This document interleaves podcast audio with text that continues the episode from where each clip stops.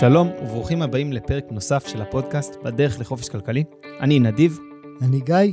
בפרק הקודם דיברנו על היכולת לקחת הלוואה לטובת צרכנות שוטפת, מתי זה הגיוני לעשות זאת, ואני חושב ששווה להקדיש גם פרק על העניין הזה של צרכנות.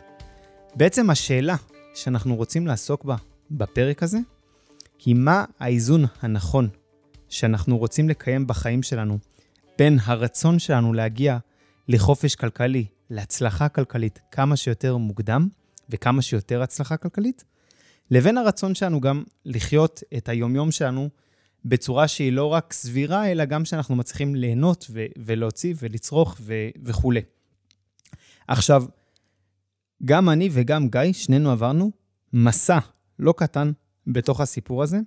אנחנו נספר בפרק הזה את, ה- את החלקים המרכזיים של אותו מסע שעברנו, את התובנות שקיבלנו לאורך הדרך, וגם נשתף אתכם בכלים הפרקטיים שהתחלנו להשתמש בהם שנינו, אה, בשביל אה, להטמיע את אותה תפיסת עולם בחיי היומיום שלנו. אז אני אתחיל ואני אספר קצת על עצמי, שבתור בן אדם שקוראים לו נדיב, תכלס הייתי די קמצן בתור ילד. הייתי בעיקר קמצן כלפי עצמי, אני אגיד לפחות אה, בשביל ההצדקה. וחסכתי המון, המון כסף. אני לא מכיר הרבה ילדים שהצליחו לחסוך כמוני, זאת אומרת, כל הכסף של הבר מצווה, עבדתי לאורך התיכון בכל חנטרי שלא יכולתי למצוא. הגעתי למצב שאחרי הצבא, ואני עוד הייתי בצבא בתקופה של ה-600-700 שקל לחודש, אחרי הצבא היה לי יותר מ-100,000 שקלים, ולקחתי את כל הכסף הזה והשקעתי אותם בפרויקט נדל"ן בארצות הברית. עכשיו, בתפיסה שלי באותו זמן, הסיבה שהייתי קמצן, זה קצת כי לא הבנתי, א' כל, איך עושים כסף גדול, אז התפיסה שלי הייתה, כל מה שאני יכול לעשות, אני לא יודע איך להשקיע, אני לא יודע לעשות דברים כאלה עם הכסף שלי באותה תקופה, אני יכול נטו לחסוך שקל לשקל. והסתכלתי על, על כסף בכלל, וזו תפיסה שאני רואה הרבה סביבי, ותגיד לי, גיא, מה אתה חושב על התפיסה הזאת? שהעולם, כאילו, יש בו כמות מוגבלת של כסף, וסוג של עוגה כזאת, ו- וכולנו רבים על למי תהיה פריסה, פרוסה יותר גדולה או פחות גדולה, וש... ושאין לי יכולת לייצר עוד חתיכת עוגה בעצמי. כן, אנחנו, נדבר, אנחנו נדבר עוד הרבה מאוד בפודקאסט על אה, איך באמת כסף עובד, וזו תפיסה שגם לי הייתה בתור ילד, שכסף הוא מין כזה משאב מוגבל, וכמה שאני אחסוך יותר בגיל צעיר, ככה יהיה לי יותר מהר יותר. והמציאות עובדת בצורה מאוד שונה. אנחנו ממש ניגע בזה מאוד לעומק בפודקאסט, על, על איך כסף עובד ולמה הוא באמת משאב שהוא בלתי מוגבל.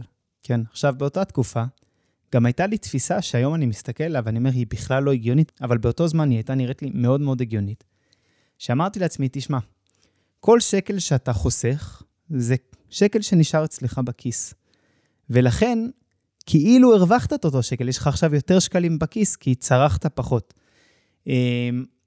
והיום אני מבין שזו תפיסה שהיא נכונה רק חלקית, כי גם נהנית פחות. אה, הצריכה יש בה ערך בפני עצמה. אמ, איך אתה היית בתור ילד, בתחום הזה, בתור ילד, בתור מתבגר? כן, אני גם, אני חושב האמת שהרבה ילדים, אני, אני חושב שהרבה ילדים הם אה, קצת, ב, יש את הילדים שחיים בכיף ומפזרים, אבל אני חושב שלא מעט ילדים גם מרגישים את הצורך הזה של uh, לאסוף או לאגור כסף, או אני לא יודע. אני גם הייתי כזה. Uh, לקח לי, בוא נגיד, רק אחרי צבא הגישה שלי באמת השתנתה בנושא הזה. Uh, ויש כמה בעיות עם הגישה הזאת. יש כמה בעיות עם הגישה הזאת של לאסוף שקל לשקל. אה, במיוחד כשאנחנו כבר אה, בוגרים יותר. אה, בעיה אחת שהיא מאוד משמעותית בעיניי, קודם כל, אתה לא נהנה מהדרך. כאילו, אתה יודע, בסוף המסע הזה לחופש כלכלי, זה לא יעד, זה מסע. וכשאתה מנסה לחסוך כל שקל שאתה יכול, וכל דבר שאתה בא לקנות אותו, אתה שואל את עצמך, האם אני חייב את זה, או אני לא חייב את זה, ואני קונה רק את מה שאני חייב, יש בזה משהו שהוא מאוד מאוד מצמצם, מאוד לא נעים, אני חושב, למחיה השוטפת. באופן כללי זה הרגל שאני חושב שהוא לא, לא בריא ולא כדאי. האגרנות הזאת היא כדי להגיע לאיזשהו יעד שאה, ממנו אני בחופש כלכלי. כלומר, אני חושב שיש משהו מאוד עדיף בגישה שהיא לאט-לאט, אתה בונה את החופש שלך, ואתה גם בונה את, את הרגלי אה, צריכה שלך. יש עוד דבר שהוא מאוד uh, לא בריא בעיניי בגישה הזאת, שזה משהו שבעיקר הבנתי כשהתחלתי להיות עצמאי ולפתוח עסק, אמ, תראו, דיברנו על זה שכסף הוא משאב שהוא לא, הוא לא משאב מוגבל. בניגוד לזמן, שהוא נגיד משאב הרבה יותר מוגבל.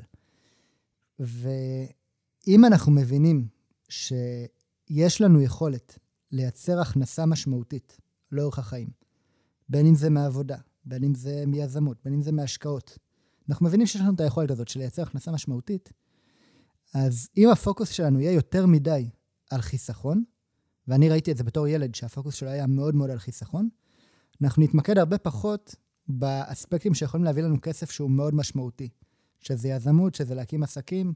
כלומר, אם אני בתור ילד הייתי פחות מתמקד בחיסכון ויותר מתמקד באיך אני יכול עכשיו ללכת ולהרוויח כסף, אז, אז אני חושב שהיה לי גם בסוף, גם הייתי מוציא יותר לאורך הדרך, וגם היה לי בסוף, אני מאמין, הרבה יותר. כן. עכשיו, גיא, אנחנו באמת מכירים פחות או יותר מגיל סוף התיכון, ואני שמתי לב שבאיזשהו שלב בחיים, כנראה אחרי הצבא, אה, מאוד שינית פאזה, מאוד שינית מנטליות ביחס לכסף. אולי באמת תספר קצת על התהליך הזה. כן, אז באמת אה, בגיל צעיר הייתי ממש ככה אוסף שקל לשקל, ובמהלך הצבא לא קרה הרבה מבחינה פיננסית, קיבלתי את אותה משכורת מסכנה ש... של, לא יודע, 700 שקל בחודש, ואחרי הצבא קצת עשיתי חושבים על החיים שלי, ושאלתי מה אני רוצה לעשות בשנים הבאות. אה, התחלתי לחפש עבודה אחרי צבא, ונזכרתי באותו חלום ילדות שהיה לי של להיות מיליונר, של להיות עשיר, ועשיתי חשבון, הוצאתי דף ועט, שאלתי, שאלתי את עצמי מתי אני אגיע לאותו יעד, נגיד, של מיליון שקל ראשונים.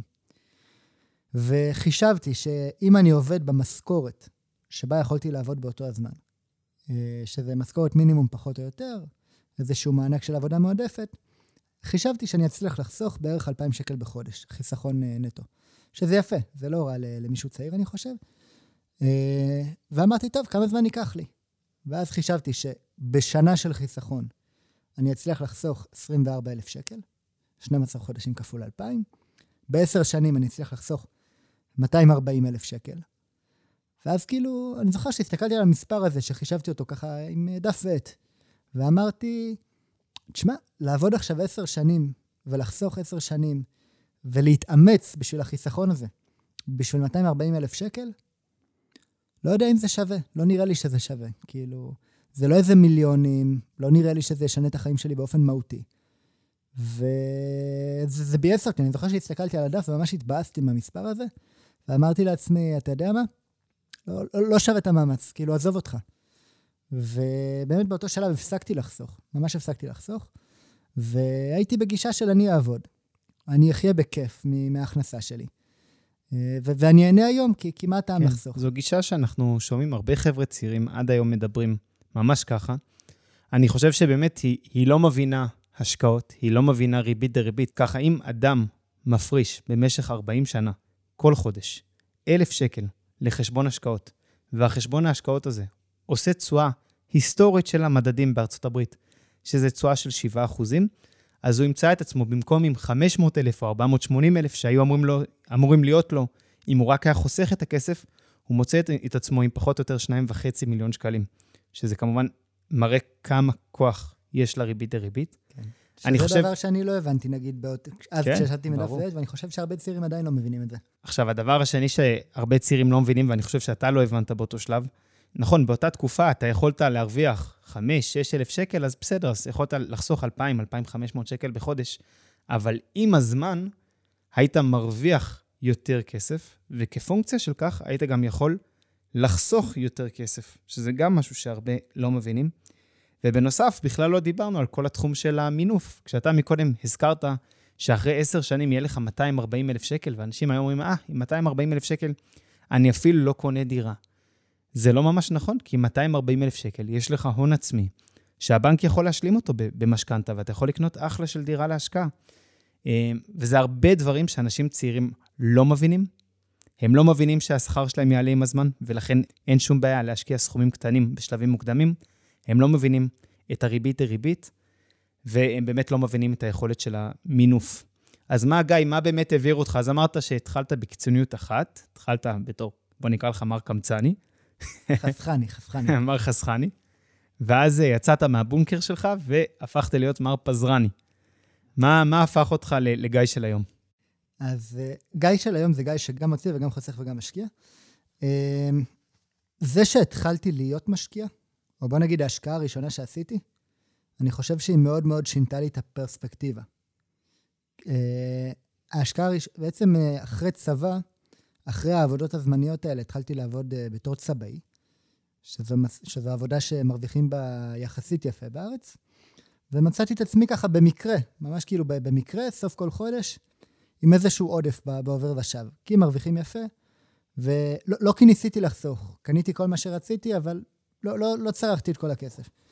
ולאט לאט, מחודש לחודש, התחיל להצטבר לי איזשהו הון, ובסביבות גיל 25 בערך, אה, הגעתי לחיסכון מצטבר של איזה 100 וקצת אלף שקל. ואני זוכר את השיחת טלפון, הייתה לי שיחת טלפון איתך, ואמרת לי, גיא, למה אתה לא משקיע? למה אתה לא הולך לקנות דירה? ואמרתי לך, נדיב, אין לי מספיק כסף לדירה. שאלת אותי כמה יש לי. אמרתי לך, 100 ומשהו אלף שקל. אמרת לי, תשמע, קח הלוואה, קח משכנתה, תקנה דירה. לא הבנתי את הדברים האלה אז, ולאט לאט הבנתי אותם, ובאמת עשיתי את זה. ואותה השקעה ראשונה שעשיתי, הדירה הראשונה שקניתי בשדרות, וסיפרתי עליה באחד הפרקים, אה, אני חושב שהיא מאוד מאוד שינתה לי את התפיסה לגבי כסף. כי אותו רעיון אמורפי כזה, רעיון אה, באוויר של ריבית דריבית, ברגע שאתה פתאום רואה אותו מתחיל לעבוד בתכלס בשבילך, אתה מבין אותו ברמה אחרת, אתה מבין אותו ברמה החווייתית. וכשקניתי את הדירה וסיימתי את התהליך הזה, והתחלתי להפקיד צ'קים, ואני כל חודש אה, סורק ומפקיד את השלושה צ'קים של השלושה הסוחרים שלי, אז פתאום אני, אני מבין ש... רגע, כסף באמת עובד בשבילי.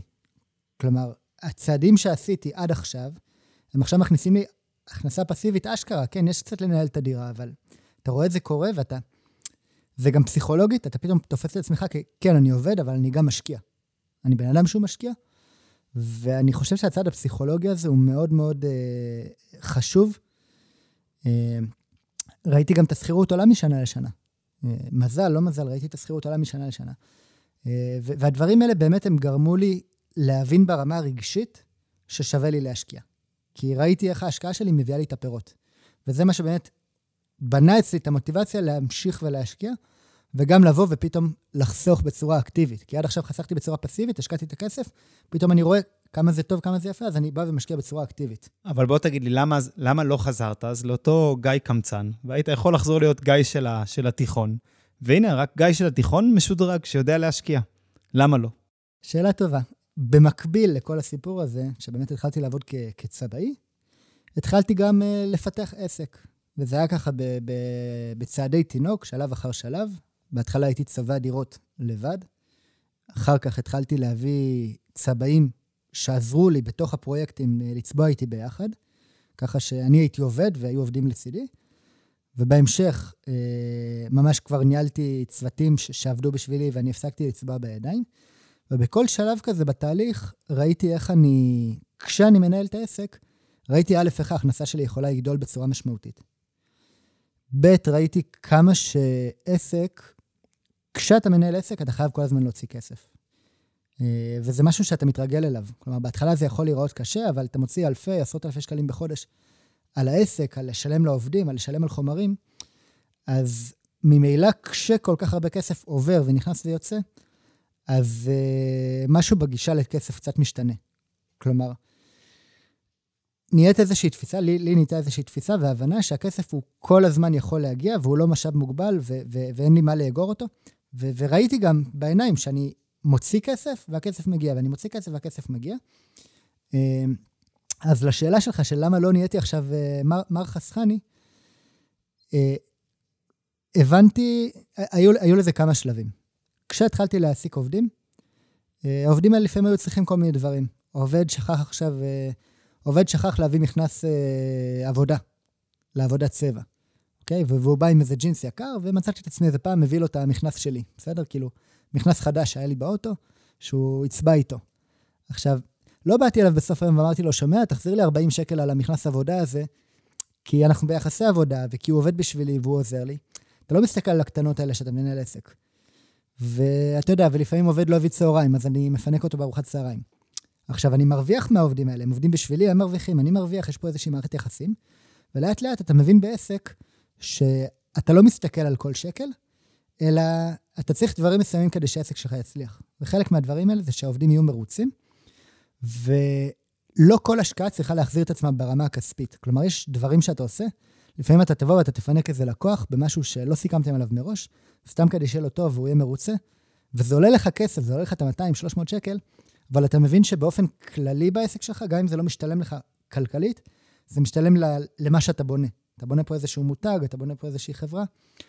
אמ, וכשהדברים האלה הבנתי אותם לאט-לאט, ובאתי והשקעתי יותר בצוות שלי ובעובדים שלי, אז הגעתי לסיטואציה שהייתי נגיד קונה לכולם ארוחת צהריים, ארבעה עובדים, הייתי קונה לכולם ארוחת צהריים, נגיד יום אחד, ויום אחרי זה הייתי עובד לבד בצבע, והייתי מתקמצן על עצמי וקונה לי מנה פלאפל.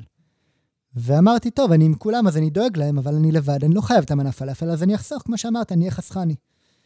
אה, ואחד הסימונים שנפלו לי בשלב יותר מאוחר זה, רגע, אם אני דואג לעובדים שלי שיהיה להם טוב, והם עובדים בשבילי, למה שאני, למה שאני לא אדאג גם לעצמי באותה מידה? הרי אני עובד בשביל עצמי. אני עובד בשביל עצמי העתידי, אני בונה פה עסק, אני העובד הכי חרוץ שלי. אני עובד בשעות הערב, אני נוסע להצעות מחיר, כשכל העובדים שלי בבית עם המשפחות שלהם. אז למה אני צריך כאילו להתקלב או, או להתקמצן על עצמי, ולא מגיע לי לפחות כמו, כמו העובדים שלי? וברגע שההבנה הזאת התחילה באמת אה, להתבשל ונהייתה לי ברורה, אז גם הבנתי, רגע, אם אני עכשיו בא ואני משקיע בעצמי ואני עובד קשה, ואני גם נותן לעצמי ליהנות מזה היום, אז אני איפשהו מגדיל לעצמי את המוטיבציה, לתת עוד. כמו, כמו עם העובדים שלי, עובד שמקבל רוצה לתת, גם אני של היום, שאני בונה את העתיד שלי, אם אני מפנק את עצמי היום, אז אני ארצה לתת יותר לאני העתידי שלי. ואם אני לא חי כמו מסכן, אלא אם אני קונה לעצמי אוכל טוב וחי בכיף וחי איפה שאני אוהב, אז אני, אני גם כן, אני תורם לאני העתידי שלי, ותורם למוטיבציה שלי ללכת ו- ולהרוויח יותר. זהו, אתה נוגע בנקודה מאוד מעניינת, כי בפרק הזה אנחנו קצת דנים במתח בין גיא של היום לבין גיא עוד 20-30 שנה, שרוצה, נגיד, להגיע לחופש כלכלי, להצלחה כלכלית. ואנחנו כאילו אומרים, יש מתח. אם אני נהנה מהכסף שלי היום, יהיה לי פחות כסף בגלל, ה... בגלל זה בעתיד. ואם אני נהנה בעתיד, אז יהיה לי פחות היום. ואתה קצת אומר פה נקודה מאוד מעניינת. אתה אומר, לא, זה שאני משקיע בעצמי היום, ואני נהנה היום, תורם לגיא של העתיד. כי גיא שהיום עובד בצורה טובה, מתלבש טוב, אוכל טוב, עושה עבודה טובה, בונה את העסק בצורה עוד יותר יעילה, עוד יותר טובה, ובסוף גיא של העתיד ייהנה מזה שגיא של היום לא יתקלב על עצמו. כן, כן, ממש. שזה דבר מאוד מאוד חשוב. אני באמת אומר, רק האמירה הזאת, זה משהו שהוא מאוד מאוד חשוב להבין אותו. איך שאנחנו מתלבשים, איך שאנחנו מתייחסים לעצמנו, זה גם איך שלקוחות יתייחסו אלינו, ו, וזה זה איפה שהתוצאות שלנו יהיו בטווח הארוך. אז לפעמים להתקמצן על עצמנו של היום, בדיעבד, זה גם להתקמצן על עצמנו של העתיד. יפה, גיא, זה, זה מאוד מעניין. אני אוסיף פה באמת, באמת כמה נקודות ש, שבעיניי מאוד מאוד חשובות אה, להבין. קודם כל, כל פעם שאנחנו מדברים על אנחנו של העתיד, זה קצת אנחנו אמורפי. אנחנו לא יודעים איפה ואיך נחיה בעתיד, האם נחיה עוד 40, 50, 60 שנה מעכשיו, ואנשים שכל היום דוחים את הסיפוקים של היום עבור אותו אני של העתיד, הם קצת מהמרים, שמים את כל הז'יטונים שלהם על משהו שהוא, שהוא לאו דווקא יהיה, ואנחנו לא יודעים איך הוא יהיה. אני חושב שמעבר לזה, שזאת הבנה שבעיניי היא אולי ההבנה הכי משמעותית שאני הגעתי לה בעקבות הפודקאסט הזה, והיא כש, כשאדם לומד פיננסים, הוא מבין איך כסף עובד. הוא מבין שכסף זה לא משאב מוגבל. אנחנו נדבר על זה הרבה, על הנקודה הזאת. אז הוא יודע שמתישהו לאורך הדרך הוא הולך להצליח כלכלית מאוד. האם זה ייקח 15 שנה, 20 שנה, כל אחד ו... והדרך שלו, אבל הוא יודע שהוא הולך להצליח כלכלית. וברגע שאתה יודע שאתה הולך להצליח כלכלית, זה קצת לא משנה האם אני הולך להצליח כלכלית ולהיות אה, מולטי מיליונר, להיות לי 100 מיליון, או 20 מיליון, או 15 מיליון, כי אורח החיים שלי כנראה יהיה די זהה. לא משנה כמה שווי יהיה לי בבנק או בנכסים פיננסיים. ו- ולכן, אם אורח החיים שלי בעתיד לא הולך להשתנות בצורה כל כך דרמטית, ממילא אני יכול לשחרר ולתת לאני של היום ליהנות קצת יותר מההווה שלו. כי אני מבין שאני של היום לומד ומבין איך לדאוג לעני של העתיד, ו- ובזכות זה הוא יכול גם להרשות לעצמו קצת יותר לחיות אה, בנחת. מבחינתי זה היה ממש אה, עבודה מאוד גדולה להגיע לשם. כן. אני, אני מצאתי, קראתי ספר מאוד מעניין, אה, שנקרא pay yourself first, שלם לעצמך קודם, וזה עיקרון שהרבה אנשים שמתעסקים בפיננסים או בהתנהלות כלכלית מדברים עליו, ואני חושב ששווה להכיר אותו, אני מיישם אותו בעצמי. אה, הרעיון אומר דבר כזה, אנשים בדרך כלל, כשנכנסת להם המשכורת, משלמים את כל מה שהם חייבים לשלם, מוציאים את כל מה שהם רוצים להוציא, ומה שנשאר בסוף הם מעבירים לחיסכון, בסוף החודש. ואז אנשים אומרים, טוב, נשאר לי בסוף החודש, אז אני, אני אחסוך, אני אשקיע.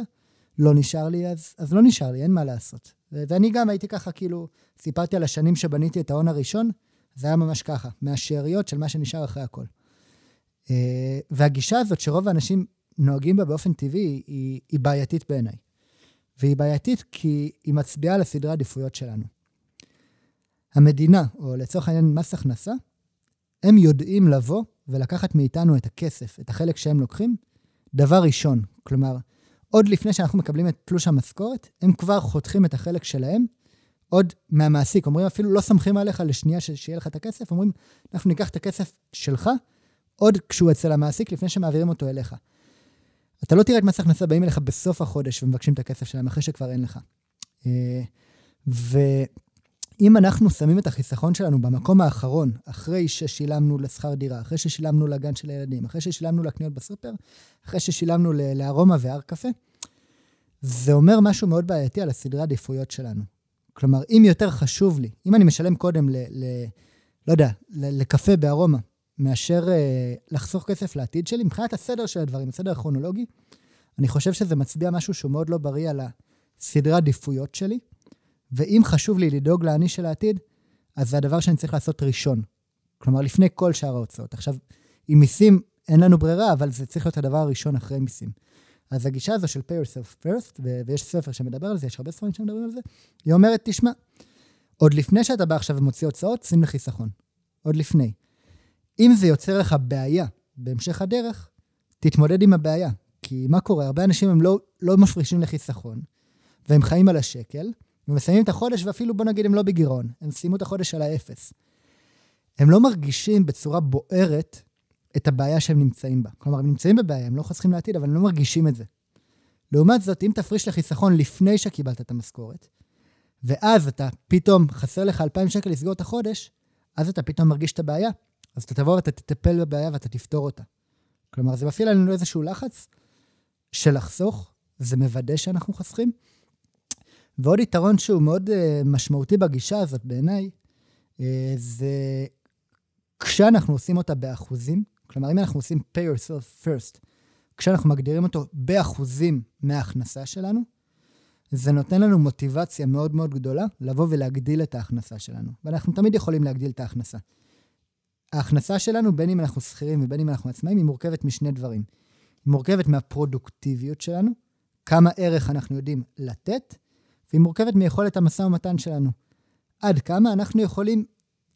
כלומר, אם אני נותן למישהו הרבה ערך, יהיה שווה כמה לו... כמה אתה יודע לכבוש את הערך במירכאות. כן, כי אם אני נותן למישהו הרבה הזה. ערך, זה שווה לו הרבה כסף. ואז הוא יהיה מוכן לשלם לי חלק מהכסף הזה. כמה הוא ישלם לי? תלוי ביכולת משא ומתן שלי. אז אם אני שכיר, זה לדבר עם הבוס על העלאה. אם אני עצמאי, אז זה בערך איך אני מתמחר את עצמי.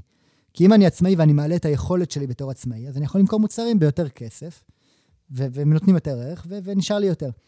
אז ברגע שאנחנו מבינים שההכנסה היא יכולה להיות גמישה מאוד, ואני תמיד יכול להרוויח עוד, ואני מגדיר את החיסכון שלי באחוזים מההכנסה, לא כל שקל, לא, לא כלום, אלא באחוזים מההכנסה, אז מצד אחד אני אומר, טוב, אני עכשיו כבר חי טוב, כי, כי אני יודע שמה שנכנס לי למשכורת, אחרי שהפרשתי לחיסכון, אני יכול להוציא אותו בכיף.